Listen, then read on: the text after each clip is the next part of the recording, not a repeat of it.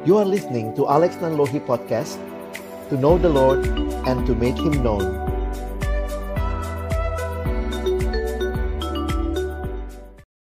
Halo teman-teman. Jumpa lagi dengan kami berdua di Obrolan Obrolan Santai Nah, hari ini kita masih masuk masa-masa Natal ya dek Yes, masih bulan Desember bang. Bulan Desember. Masih hari raya Advent. Oh ya masih Menantikan Natal. Ya, ya Advent dalam, sendiri Dalam inian gerejawi ya. Mm, dalam kalender gerejawi. Jadi memang kalender gerejawi itu dimulainya bukan sama tahun baru deh. Hmm. Justru dimulainya dari masa Advent. Oh. Advent sendiri kan artinya datang, Iya iya. iya. kedatangan. Jadi di dalam masa Advent ini kita bukan hanya mengingat kedatangan Kristus 2000 tahun yang lalu, tapi juga kita mengantisipasi kedatangannya kembali kedua kali nanti sebagai raja, sebagai hakim yang akan mengadili semuanya memerintah dunia ini. Hmm. Begitu. Makanya khotbah-khotbah di gereja tuh biasanya kalau nggak bicara apa yang terjadi di waktu yang lalu, juga bicara dia akan datang kembali. Begitu. Iya iya iya iya iya iya benar benar. Ya jadi kan banyak juga tuh bang yang kayak Hmm. begitu-begitu ya. Kadang-kadang mungkin kita kurang paham atau nggak tahu lah. Tradisi-tradisi ya. Mm-mm. Tradisi-tradisi. Atau misalnya kayak di gereja, eh di gereja, di Alkitab gitu ya. Mm-mm. banyak hal-hal yang mungkin eh, berkembang di kalangan Dalam tradisi ya. eh, entah dalam tradisi entah mungkin pokoknya berkembang lah Iya, iya. gitu Eh, dari apa yang disampaikan oleh firman Tuhan kemudian eh, entah kita memaknainya atau melihatnya seperti apa Mm-mm. sehingga itu berkembang Oke, Mungkin contohnya salah apa? salah satunya kayak misalnya orang majus tuh bang Mm-mm. orang majus tuh beneran ada tiga bang kan Jadi, biasanya gitu kan Iya, iya, iya. Itu biasanya karena mau nyari pemain dramanya berapa orang ya? Iya. Terus mungkin juga karena ini ya, apa Mas, Kemenyan dan Mur. Jadi seolah-olah Jadi, tuh karena ada tiga, Uh, uh, tiga persembahan, jadi orangnya tiga. orangnya gitu. tiga. Bener gak sih kayak gitu bang? Kalau misalnya lihat di Alkitab tidak dikasih tahu tiga, Hmm, tapi oke. dikasih tahu jamak. Oh oke. Jadi pasti lebih dari satu, Mhm. tapi mungkinkah hanya dua atau mungkin lebih dari dua, bahkan lebih dari tiga mungkin karena Oh. kalau persembahannya mungkin cukup berat ya gitu kali Iya, ya. iya, iya. Mereka mesti uh, dan biasanya ada satu penafsir Alkitab mengatakan kebiasaan orang waktu itu kalau traveling jauh Mm-mm. itu bareng-bareng. Jadi Hmm. hampir pasti sih bertiga itu terlalu sedikit kalau menurut dia begitu. I see, I Ah, see. tapi jangan lupa juga ini gara-gara banyak orang yang lagi sibuk apa sih games ya. Ada yang khotbahnya sampai berapi-api. Mereka datang membawa emas, perak dan perunggu. Emangnya medali. Itu bukan medali ya. Iya, iya, Jadi iya. emas eh, emas kemenyan. Aku Iya, aja iya, lupa iya. emas kemenyan dan Dan mur. dan mur. Itu juga unik tuh, Dek. Uh-uh. Karena persembahan emas itu persembahan yang biasanya kepada raja. Dan Hmm. itu memang oke lah. Mereka menghayati lihat bintangnya di timur, Yesus adalah raja yang baru dilahirkan itu. Oke. Tapi yang kedua, kemenyan itu berkaitan dengan imam. Oh, Di dalam uh, upacara atau ritual di Bait Allah, imam itu akan mempersembahkan ukupan, kemenyan begitu. Hmm. Nah, tapi yang unik juga adalah mur. Mur sebenarnya itu dipakai pada waktu itu untuk membalsem orang yang mati. Loh, kok dikasih itu? Nah, itu beberapa penafsir mengatakan menarik melihat persembahan itu. Satu sisi mungkin mengingatkan kepada tiga hal yang terjadi ya. Yesus raja, Oh. Imam. dia memang mewakili kita. Ya, tapi yang terakhir adalah mengingat yang penting dalam hidupnya adalah kematiannya, kema- pengorbanannya itu. Oh gitu. Jadi unik juga tuh. Iya, Kayak kadang kita pikir emas kemenyan dan mur. Kita pikir mur itu oh baut mobil. Iya iya iya. Mur-mur Sebenarnya kecil gitu ya. mur tuh apa? Mur tuh Oh, apa? Bahasa untuk Inggrisnya itu inian pakai mir.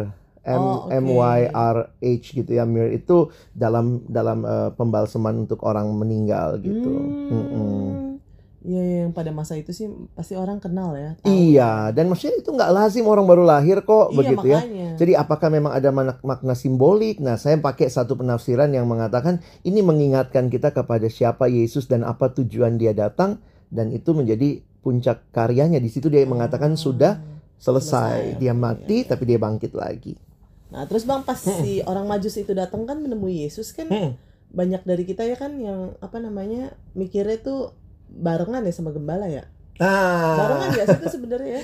Oke deh. Jadi sedikit ya aku coba jelasin. Ini juga setelah belajar ya, Ah, setelah ah. persiapan Ah, ah. beberapa khotbah begitu ya. Eh, saya ngelihatnya begini, hanya dua Injil Mm-mm, yang mencatat kelahiran Yesus. mm-mm, Yang pertama itu adalah Injil Matius mm-mm. dan yang kedua adalah Injil Lukas. Lukas. Yohanes mencatat da- dari praeksistensi Yesus. Iya. Sebelum pada dia awal- datang, pada awalnya siapa sih pada Yesus? mulanya. Ah, ah, tapi gitu ya. Yohanes pun tidak langsung ceritanya Yesus sudah gede gitu ya iya. waktu dia dibaptis begitu. Nah, jadi dua cerita ini yang sering kali orang gabungkan seolah-olah itu satu cerita dalam scene yang sama Ah. begitu. Padahal memang kalau kita perhatikan ada beberapa hal yang menarik. Nah, kita coba perhatikan sebentar ya kalau teman-teman ada ada Alkitab nih ya. Bisa perhatikan tuh ya di dalam Matius dulu atau kita lihat di Matius begitu ya. Di Matius itu dituliskan begini di ayat yang pertama Matius 2 Mm-mm. ayat yang pertama. Sesudah Yesus dilahirkan. Jadi sesudah Yesus dilahirkan itu tadi udah, udah jelas. Iya iya. Sementara kalau lihat eh, orang gembala, Heeh. Gembala itu di Lukas nampaknya datang pada hari Yesus dilahirkan. Pada Oh, malam Yesus malamnya dilahirkan. Yesus lahir dia datang gitu. Ah, ah. Kayaknya cara berceritanya memang begitu. Sementara Matius menuliskan orang Majus dari timur. Nah, perhatikan sebentar nih. Sesudah Yesus dilahirkan di Bethlehem, di tanah Yudea, pada zaman Raja Herodes, datanglah orang-orang Majus dari timur ke Yerusalem. Hmm. Kenapa mereka datang ke Yerusalem? Karena ada kesimpulan yang menarik yang mereka ambil melihat tanda alam. Nah, ini sedikit juga ya belajar tentang eh, orang Majus. Mm-mm. Siapa sih orang Majus? Mm-mm. Kadang-kadang kita pikir mereka ahli bintang, lalu bayangannya ini ahli sio, ahli Mm-mm. perbintangan begitu ya. Betul, mereka orang-orang yang menguasai ilmu perbintangan pada waktu itu. Tapi jangan lupa ilmu perbintangan pada waktu itu kan dibutuhkan untuk misalnya menentukan timur barat, kapan berlayar, kapan menanam. Nah, itu semua ahli bintang itu mereka itu sebenarnya orang cerdik cendikia. Jadi mereka datang dari timur. Nah, timur yang dimaksud itu dari mana? Beberapa penafsir mengatakan bahwa mereka datang dari Babel. Oh, Babylon. oke, Babylon. Babylon itu Persia dan Persia itu sekarang daerah Turki. oh. Jadi mereka tuh dari Turki jalan menuju ke Yerusalem. Hmm, berapa lama tuh Bang? Nah, gitu ya? itu menarik juga tuh kalau memperhatikan ya, berapa lama mereka jalan seperti itu. Mungkin eh, gini deh ya, sebelum kita lihat berapa Hmm. lamanya ya, tadi kita nanya ya, berapa lama mereka jalan. Tapi kenapa mereka bisa menyimpulkan, bayangkan ya, dia tuh dari Babel, dari Persia, dari Turki, Mm-mm. kok bisa datang ke Yerusalem? Iya iya. Nah, para penafsir mengatakan karena mereka memang orang cerdik cendikia, mereka menguasai ilmu alam, mereka juga banyak membaca nampaknya. Jadi ini orang-orang pintar, banyak membaca buku-buku sains, buku-buku yang ada dan naskah-naskah kuno pada waktu itu. Lalu kemudian nampaknya mereka baca perjanjian lama. Ah. Hampir semua penafsir yang aku baca mengkaitkan mereka membaca perjanjian Mm-mm, lama mm-mm. khususnya bilangan 24 Mm-mm. ayat yang ke-17. Coba deh, bilangan 24 ayat 17 bagian pertama saja. Hmm, Oke. Aku melihat dia, tetapi bukan sekarang. Aku memandang dia, tetapi bukan dari dekat. Bintang terbit dari Yakub. Nah, bintang terbit dari Yakub ini nubuatnya Bileam. Oh, oke. Nah, muncul pertanyaan, kok dia bisa punya perjanjian lama? Nampaknya Hmm. perjanjian lama ketika umat Israel dibuang ke Babel, Yes, itu yang di copy. dibawa. Iya, iya, iya. jadi kayaknya mereka beberapa masih baca itu. Ah. Begitu lihat tanda alam ada bintang yang sangat terang, maka mereka langsung melihat itu pasti bintangnya Yakub. Kalau Yakub itu berarti orang apa? Oh, Orang, Israel. Makanya mereka datang ke mana? Ke Ke Yerusalem, Yerusalem. ibu kotanya Israel. Oh, oke. Jadi, oke, oke. Mereka nggak ke- nggak ke Bethlehem langsung loh. Heeh, mereka heeh, datang. belum tahu. Nah, kenapa? Karena mereka menghayati yang datang ini raja dari keturunannya Daud. Oh. Nah, terus pertanyaannya lagi tadi ya, Dek, berapa jauh sih yes. waktu dihitung nih ya? perjalanannya ini kira-kira ya jarak antara Babel sama Yerusalem itu kurang lebih 800 mil. Wow. 800 mil. Seandainya aja nih satu hari mereka sanggup berjalan 20 mil. Mm-mm. Dan itu nggak berhenti-berhenti misalnya ya. Mm-mm. 20 mil besoknya jalan lagi. Mm-mm. Maka sebenarnya mereka bisa mencapai Yerusalem kira-kira 40 hari.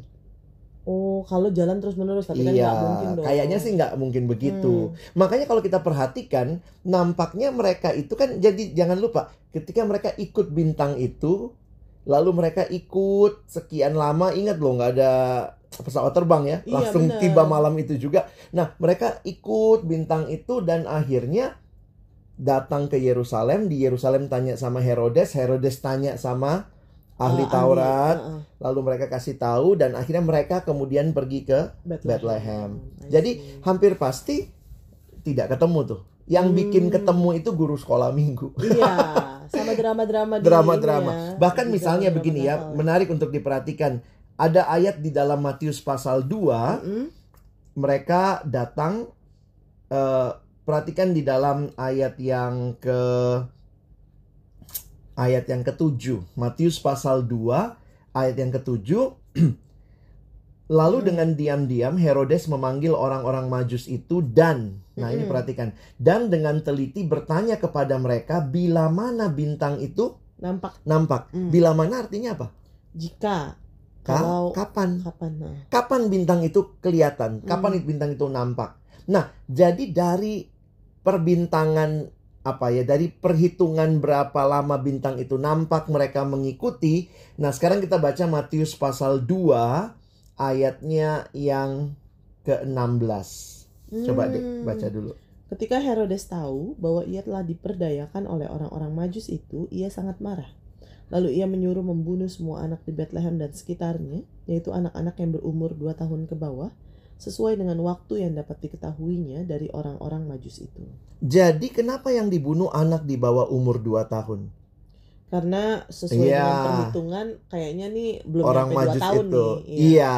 Jadi ada bahkan yang mengatakan Yesus sudah mungkin umur setahun Hmm. atau ada yang penafsir mengatakan sudah mungkin hampir 2 tahun. Jadi mereka ngikutin bintangnya mungkin aja cepat, mungkin aja cukup lama, tapi yang pasti tidak berbarengan datang malam itu juga dengan Iya, gembala. dengan gembala. Karena gembala-gembala kan pas, Pas Yesus lahir. Yesus datang. lahir. Nah ini lama. Nah, ada juga yang nanya begini, lalu kalau begitu kok bisa?